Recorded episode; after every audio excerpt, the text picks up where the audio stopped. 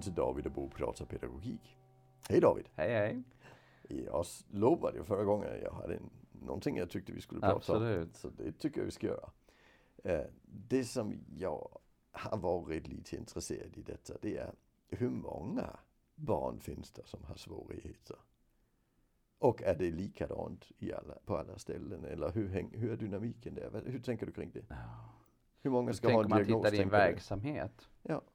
Eller ja, men också på, på, i Sverige, hur många ska ha en diagnos? Hur många ska inte ha en Ja, diagnos? gisses ja. Ja, den frågan är jättestor. Jag ska ju säga till ni andra att eh, David visste inte jag skulle ställa den Nej, frågan. det visste jag inte. Men, eh, nej, men eh, om man tänker sig så här att eh, man har ju pratat om eh, ADHD 3 till 6 procent. Först var det 2 till 5 eller 3 till 5 och sen blev det 36 procent. Eh, nu ligger vi ju på siffror som ligger långt över det. Eh, man har pratat om 1 procent med autism. Och eh, eh, nu ligger man någonstans mellan 2 och 3 procent Mm, och i vi vissa har, delar. Ja, och vi har ju LIS undersökning s- 2014 som visar 2,64 i, i Sydkorea. Ja. Ja, Som är- så, som ju är med, en- med en- prevalens. ja, som är en prevalensstudie där man faktiskt mätt ett helt eh, skolområde. Liksom. Ja. Ja, just det. Och samtidigt så har vi sett då att eh, det finns det också forskning. Ju var det, inte, det var från Göteborg där man tittat på sym- autistiska symptom Mm. och menat att autistiska symptom inte har förändrats över en 20-årsperiod. Mm. Vilket i så fall skulle betyda att vi inte har någon form av eh, epidemiliknande situation där Nej, symptomen ökar på grund av något. Det Ja. kan ju vara vad som helst i Mm. miljön eller någonting. Men då är det ju spännande, för Ja. symptom är en sak och Ja. diagnos är en Ja, sak. verkligen. Ja, så, så på frågan hur många, hur många, många ha procent av barnen ska ha en diagnos, den, den återstår ju. Ja, den är svår tycker jag. Nej, alltså jag, jag tycker att det är problematiskt när det skenar. Och jag tycker att det är problematiskt när det blir för lite. Och det är ju väldigt diplomatiskt svar. Så jag, för jag kommer inte att kunna ge någon exakt siffra. Men om man nu tänker sig att eh, det är eh, någonstans liksom 5-10% som, som har, liksom någon, eller 10% kanske, med essens Mm. Eh, och vi har överlappning mellan de olika diagnosområdena. Mm. Så eh, kanske man landar på eh, någonstans kring eh, tre, man kanske landar någonstans kring 3, 4, 5, 6 procent. Jag vet inte. Mm. Att det kanske är, är där någonstans som, som det ligger. Mm. Men det som vi har sett nu till exempel när det gäller vissa områden så har det ju gått upp. I vissa områden så är det ju ADHD-diagnoser på pojkar i vissa åldersgrupper ligger ju jätte, jättehögt. Mm. Problemet med det är ju att då börjar det hända sådana saker som att folk säger så här.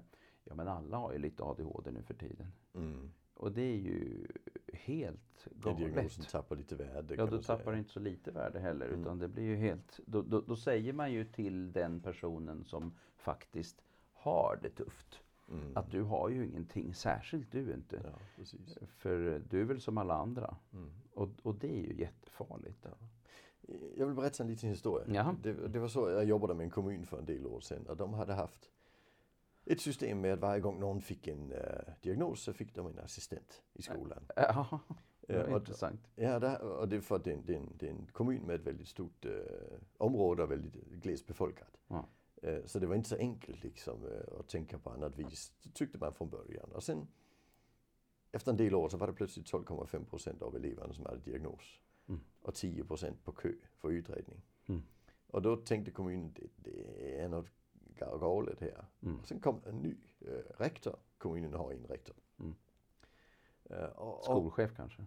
Ja, eller vad man ska säga. Det, det är på landet där det är på landet. I alla fall så var det så att hon eh, hade en specialpedagogisk bakgrund.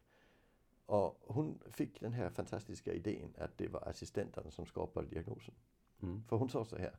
Varje gång att vi anställer en assistent, då plockar vi bort ansvar från läraren. Mm. Men vi plockar också bort kompetens från läraren. Så blir läraren mer och mer inkompetent ju fler assistenter vi får. För ju färre saker måste läraren hantera. Och därför blir det fler och fler barn som inte klarar sig. Och därför måste vi utreda fler och fler. Ja. Så det man gjorde det var ju att halvera antalet assistenter, anställa ett par specialpedagoger som börjar handleda lärarna. Mm. Och idag är kommunen inte över la- landsgenomsnittet på andel, andelen barn. Med. Alltså, det, det, det, Det är ju väldigt bra berättelse för att visa Mm. hur strukturer påverkar i alla led. Dynam, dynamiken är Dynamiken, ja. För vi, vi, vi brukar prata det här med att om vi har en överdiagnostik, då är det för att vi ställer för många diagnoser. Mm. Men jag tänker det kan också vara för att om vi har en överdiagnostik, är det för att kompetensen bland allmänpersonalen är för låg. Ja, För vi ställer ju diagnos på dem vi inte klarar. nej precis. Ju fler vi klarar, ju färre Ja. diagnoser behöver Och där är det lite intressant för att eh, om vi tänker på det här med, med eh, eh, alltså i den pedagogiska sfären så pratar vi om det kategoriska Mm. eh, eh, perspektivet och eh, ehm, Det dimensionella perspektivet. man På diagnosen, alltså du tänker diagnosen som kategori eller dimension, är det så du tänker? Ja, Så alltså, tappar jag bort begreppet. Så jag tror Ja. vi, får, vi får kutta här lite. det tror jag inte vi behöver. Nej, men, nej, jag, jag tänker på eh, Sebastian Lundströms avhandling 2011. Han visade att 35 procent av befolkningen har minst ett autismsymptom, men det är bara 1 procent som har alla autismsymptom Mm. i en, en jättestudie med massor med tusen barn. Liksom. Mm, mm. Eh, och, så han, och, och sen är det ju så att 3 procent har hälften av de symptomer vi känner till. Men, men, men 35 procent har minst, minst ett Ja, av de minst här ett 12 av dem. symptomen som står i DSM-4. Mm. Så, så autism, man kan, säga, man kan ju då säga att, att alltså 65 procent har inte autism. Autismsymptom överhuvudtaget. Ja, men sen är det upp till vilken miljö vi erbjuder om de Ja. här, hur många symptom som ska till för att det skapar en, ett funktionshinder, alltså en, en handikappande eh, Ett- funktion en i vardagen. Ja, en funktionsnedsättning som blir ett funktionshinder i vardagen. Ja. Ja, precis. Eh, och, och det- det innebär ju att, att med högre kompetens hos pe- grundpersonalen, ju Mm. färre kommer ju att behöva den här Så är det. diagnosen. Och där blir det spännande, hur många är det egentligen vi behöver? Har vi någon, för det måste ju vara, vi som samhälle bestämmer oss för att ja, men, Ja. vi vill betala de här pengarna till skolan och vi vill ha den här utbildningsnivå på personalen, då accepterar vi 6 diagnos. Jo, Eller I den vill- bästa av världar skulle man kunna tänka sig att man inte behövde diagnoser Ja, alls. men då kommer det, kommer det Eh, att för då kosta, fanns, fanns all, all kunskap så att säga. men då kommer det, det är inte säkert att det kommer att kosta pengar, men det kommer att kosta en, ett annat sätt att organisera arbetet på i alla fall. Ja. Och framförallt en kunskap som vi förväntar. Ja, och en hållning också eh, kring, eh, kring frågan om hur man ska liksom eh, bygga upp olika verksamheter. För att idag, om vi tittar på skolan, så finns det ju någon slags grund, det finns ett ganska brett grundkoncept som är ungefär 30 i en klass. Mm. Eh, men hur ska vi förhålla oss till det faktum att en del får väldigt jobbigt i en Mm. så stor grupp? Absolut. Att man reagerar väldigt mycket Ja. på det. Sen, sen är det faktiskt så att vi har en, en liten kul sak, för vi har ju fått en, en, en, en regering i Sverige som säger att vi måste se till att alla lärare har utbildning i NPF. Redan på grundutbildningen. Ja, precis. Det sades nu ja. Och det blir ju jättespännande om det kommer innebära färre barn för diagnos. Ja, Det skulle kunna göra det. det skulle kunna bli så. För om, om bara man förstår att det är inte bara de med diagnos vi ska hantera på det viset, utan de vi misstänker kan vi hantera på det viset. För då kanske behovet för diagnosen försvinner. Ja. Och en del menar ju att det är psykologer och läkare som har drivit fram diagnoserna. Jag tänker nog att det är snarare verksamheternas eh, kravställande som har drivit fram det i, i kanske i en avsevärt mycket större, Mm. eh, vad heter det, port- än, än, än vad många tänker i alla Mm. fall. Alltså jag är neuropsykolog och, och i början av min karriär gjorde jag, jobbade jag med diagnostik och, Mm. och har sen också handlett diagnos, Ja. diagnostik ända fram till idag. Men jag har aldrig någonsin träffat en psykolog eller läkare som gick ut med lasso på skolgården och fångade in barn. Utan vi väntar, vi väntar faktiskt på att någon skriver en remiss. Det är någon annan som skriver remissen. Ja, och när remissen blir skriven får vi ju inte säga det är inget fel på dig lille vännen. Nej. För då får ju den som har skrivit remissen tillbaka det är inget fel på honom. Och då Nej. har de inget stöd överhuvudtaget. Så vi måste ju någonstans förhålla oss till att det, Det finns ett behov. Mm. Och det beskriver vi ju traditionellt i en diagnos i alla fall. Mm, mm. Så, så, så jag, jag måste ändå säga att om vi får fler barn som remitteras, det måste ju handla om att fler barn klarar sig sämre. Ja. Mm. Och, och, och då måste vi titta på vad är det vi, för miljö vi erbjuder barnen. Det måste vara den som skapar de här problemen. Mm, mm. Jag brukar ta exemplet Ja. att, när jag började skolan, där hade jag en lärare som hette fröken Jensen. Och hon hade ingen, hon hade ingen förnamn. Mm. Eh, men vi hade en läsebok för första klass, en räknebok för första klass. Och de höll hela första klass. Mm. Sen fick vi andra klasser, kla, andra klassens böcker i andra klass, de höll hela andra klasser. Tredje klassen precis på samma vis. Och sen fick vi en lärare som hette Sven. Han hade ingen efternamn. Och han gav oss en sån där pärm eh, med ett papper i på första dagen och sa vi kommer inte att hålla på med böcker, ni får stenciler. Varje gång ni får en stencil ska ni sätta in den i pärmen. Mm. Och när jag slutade fyran, där hade jag en pärm med en stencil i. Och sen hade jag en sån här kaka i botten på skolväskan av stenciler som var hopknyckta till en, en stenhård eh, två kilos grej. Eh, men alltså, för det var alldeles för höga förväntningar på mig att göra det. Så förväntningarna ökade ju enormt. Bara med att man skulle stoppa in pappret i, i pärmen och att göra dem dessutom. Ja, Ja. precis. Alltså, och då grundlade jag den här traditionen jag körde resten av skoltiden att läxor det struntar man i för man hittar dem inte i alla fall. Och, och det gick ju bra ändå. Men det tyder mer på forskningen ibland. Det finns ju forskning som visar att läxor gör ingen skillnad. Och det Nej. är jag ett lysande exempel Ja. på. Eh, Men, men just det här kravet, Ja. det, det blev för stort. Och det här är ju så intressant om man tänker på krav eh, och eh, vilka krav man ställer. Jag, jag var på en, förs- nej, en skola var det som hade morgonfritids. Mm. Eh, och ja, det var sexåringar och ettor som var tillsammans. Och vi pratade om det som de tyckte var ett väldigt stort problem, nämligen att när det så att säga ringde in eller man plingade i någon klocka och så alla skulle in. Då tog inte alla barnen de saker de hade med sig eh, eh, till skolan från morgonfritidsens lokal som sen blev klassrum för några andra eller för några utav dem. Ja. Eh, därför att man, skulle då, man kunde då gå inomhus för att komma till eh, Ja. sina klassrum. Så det var väldigt problematiskt. Och det som var intressant var att man pratade så mycket, vilket vi pratade om här i tidigare program, eh, eh, eh, eller podd, ehm, eh, om curling. Man pratade om de curlande föräldrarna. Ja. Som nu borde liksom ta sitt förnuft i fånga och liksom styra upp sina barn så att de faktiskt tog med sig de här grejerna till sitt klassrum på morgonen. Ja. Det vi gjorde var ju förstås att prata om strukturer. Ja. Men, Mm. men apropå liksom hur tokigt det kan bli Mm. eh, eh, med där man liksom ställer krav. Ja men vissa tog ju med sig grejerna, andra tog Mm. väl inte med sig grejen. Hur ska jag kunna komma ihåg att jag hade med mig några vantar kanske någonting Ja. eller en mössa. Det står ju inte ens mitt namn på kroken just Nej, nej, där precis. eftersom det ska ju ändå vara någon annan som ska vara där sen. Alltså alla som har känt en sjuåring vet ju hur det är med den biten. Ja. Alltså, jag, jag hade också en sjuåring, han hade en ganska allvarlig hjärnskada den här killen som var medfödd. Alltså direkt om man kunde säga, det fattades delar av hans hjärna. Och sen hade personalen jobbat med att uh, träna honom i att uh, spola efter sig på toaletten i ett helt år. De hade inte lyckats. Mm. Och, och det hade ju min kollega som hade äran, han fick ju säga ni kanske ska hitta ett annat mål. Han är sju år gammal. Min sjuåring hemma, han kan inte heller spola på toaletten varje gång. Det är kanske inte där vi ska sätta in insatsen. Alltså, så vi inte gör någonting annat för de försöker träna en sak i det. taget liksom. Så jag, jag brukar ta exempel med att hänga upp jackan när man kommer hem. Ja. Det kan man ju killarna när de är 14 och, och tjejerna när de är 12.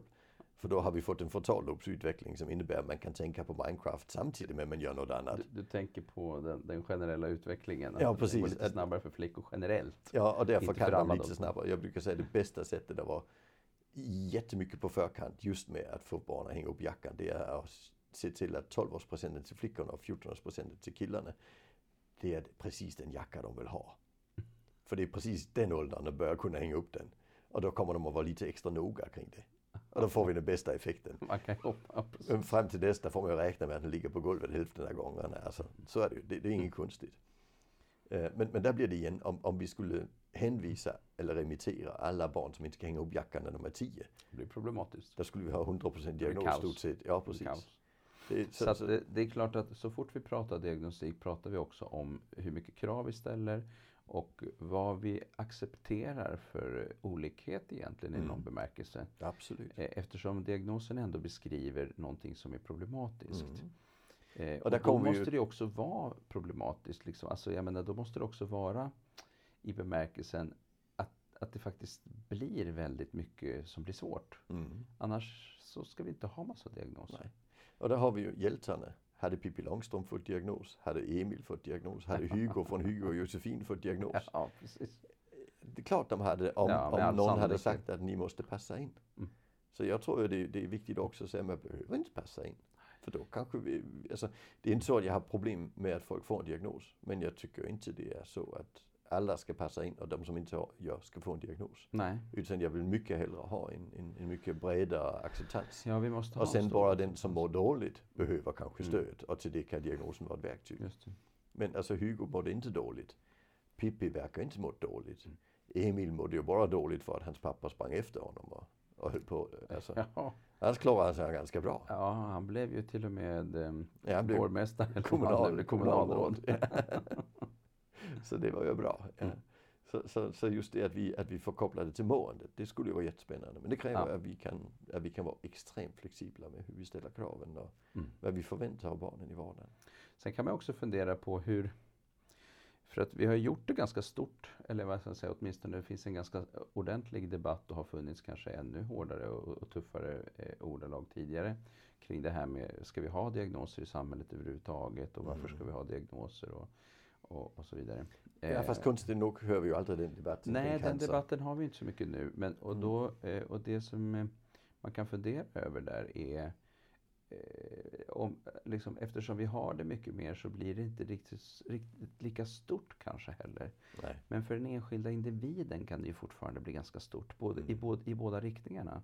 Både en slags chock över eh, att, man får, att ens barn får en diagnos eller att man själv får en diagnos. Eh, men också eh, ibland en väldigt, väldigt, väldigt stor lättnad mm. över att man äntligen förstår varför saker och ting blev som de blev.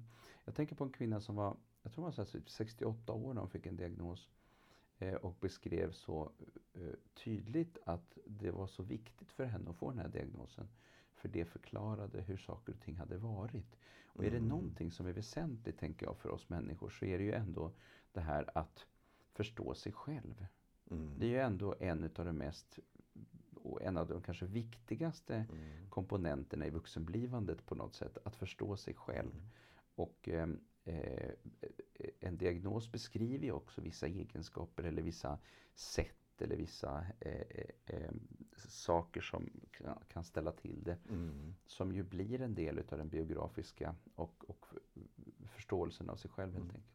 Men, men, ja, men, men det ställer väldigt stora krav till både den som remitterar och den som utreder. Ja, verkligen. Eh, jag, jag hade en, en kille som jag träffade när han var 18. Jag hade utrett honom när han var 11. Mm. Ja, och sen träffade jag honom i en helt annan sammanhang och sa Det var du som förstörde mitt liv. Du gav mig autism.